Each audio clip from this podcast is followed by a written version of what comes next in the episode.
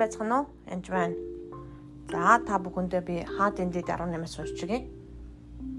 18-21-ээс Илия бүх ард түмэн дойртон зогсоод та бүхэн хэдий бол хоёр замын хооронд тэнглэлцэх юм бэ? Хэрвээ эзэн бурхан нь муин бол түүнийг даг. Харин Баал муин бол түүнийг даг.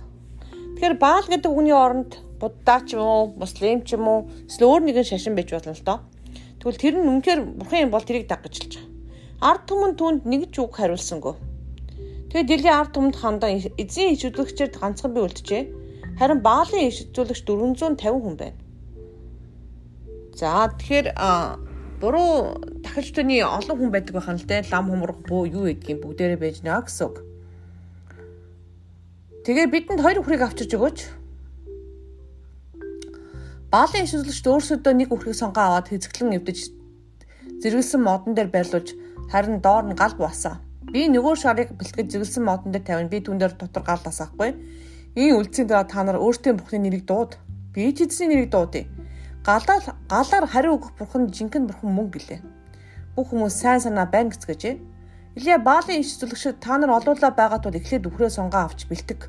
Бэлтгэн бурхныхаа нэрийг дуудах тун харин гал нутаж болохгүй шүү гэж хагвалав. Ингээд дэд авчирсан хүрийг авч бэлтгээд өглөөнөөс үд болтол Баалын нэрийг дуудан Баалаа бидэнд хариулж өгөөч гэмээр орилдов. Гэвч ямар ч чимээ гарсангүй. Хэн ч хариулсангүй. Баалын иш үзүүлэгчд өөрсдийн хийсэн дахлын ширээг тойрон зохичов. Үд дунд болоход ялаад эднийг өгөөдөн тэр чин бурхан юм бо чин чангаар дудаач тэр чин бясалгаж байгаа юу эсвэл завгүй байна уу эсвэл аялаар явчихсан уу эсвэл тэр чин унтаж байгаа угаа түүнийг сэрэх хэрэгтэй болов уу гэж хэлв. Тэр чангаар хашгиран заашилсараа ил жадаар өөртөө зүсэж цусаа урсгав. За тэгэхээр энэ янз бүрийн шатны шүтлэгтэр янз бүрийн өргөл өргөдөг тэрээс гадна өөрийгөө зүсдэг өөрийгөө ямар нэгэн байдлаар зовоодог байгаа. Өөдөөнд өнгөрөхөд тэд оройн дахиад өргөх цаг болтод улангасан байлаа. Гэвч ямар чимээ гарсан хин ч хариулсангүй хин ч анхаарсангүй.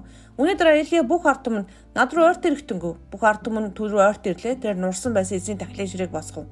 Элия Якийн үгдийн овгуудын тоогоор 12 жуулаа тавь авчээ. Яг уу эзний үг гэрж Чиний нэр Израиль байх болно хэмээн айлдсан билээ. Эдгээр чулуунуудаараа Илия эзний тахлын ширээ босгож түүнийгээ ториулан хоёр хэмжээ тариа багтах өргөнтөө шууд уух.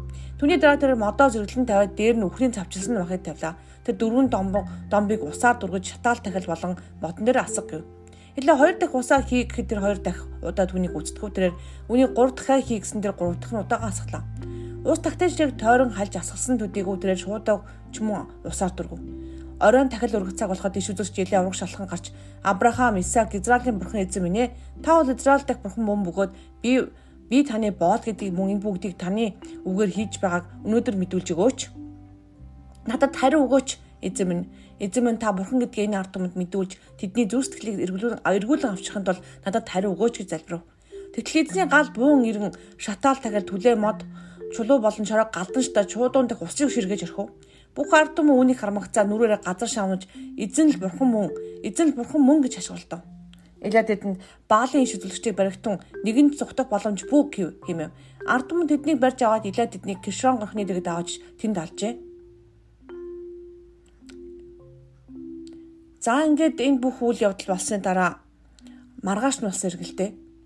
Тэр өдөртөөж болсон мэдхгүй. Ижүүлэгчийн эрхийн элдэ цавчин алсан зэрэг Ахаб Изабель дэрж өгчээ. Тэгэхэд Изабель Илиад хүн илгээ хэрвээ маргааш үдээ чиний амийг тэдгэр иш хөдөлгчийн аим шиг болохгүй бол өөрийн бурхтаасаа ялыг авг. Үгээ үнэс ч илүүд гайхамшигт хүнээс авах гэж илвэллээ. Илия айн босож. За энэ Илия гэдэг хүн урд өдөр нь 450 хүнийг тэ зөргөлдөө тэр хүмүүсийг алаад тэр хүнтэй иш үзүүлгийг хараад тэр хүмүүсийг шоолоод тэгээ явжсэн. Яг энэ Изабель гэдэг эмэгтэй төрийн хүнийг сүрдүүлж байгаа. Маргааш өдөд чиний амийг тэдгэр өшөөлөгчийг амжиг болохгүй бол өөрийн бурхтаас ялыг авах. Үгүүд үнээс жилиг гайхамшиг түнээс авах гэж хэлүүлжээ. Ингээд би чиний амийг чи авна гэд дайрчих. Тэгэхээр ихэнх Изабелийн сүнсийн ард хийгдэг сүрдүүлэг байгаа. Заавал Изабелийн сүнс тэр хүний дотор ордог ч юм уу байдаг юм биш л те. Энэ бол нэг л том сүнс байхгүй. Доороо олон зарцнартаа аа тэгээд хүмүүсийг сүрдүүлдэг байгаа. Маш ховцдог байгаа.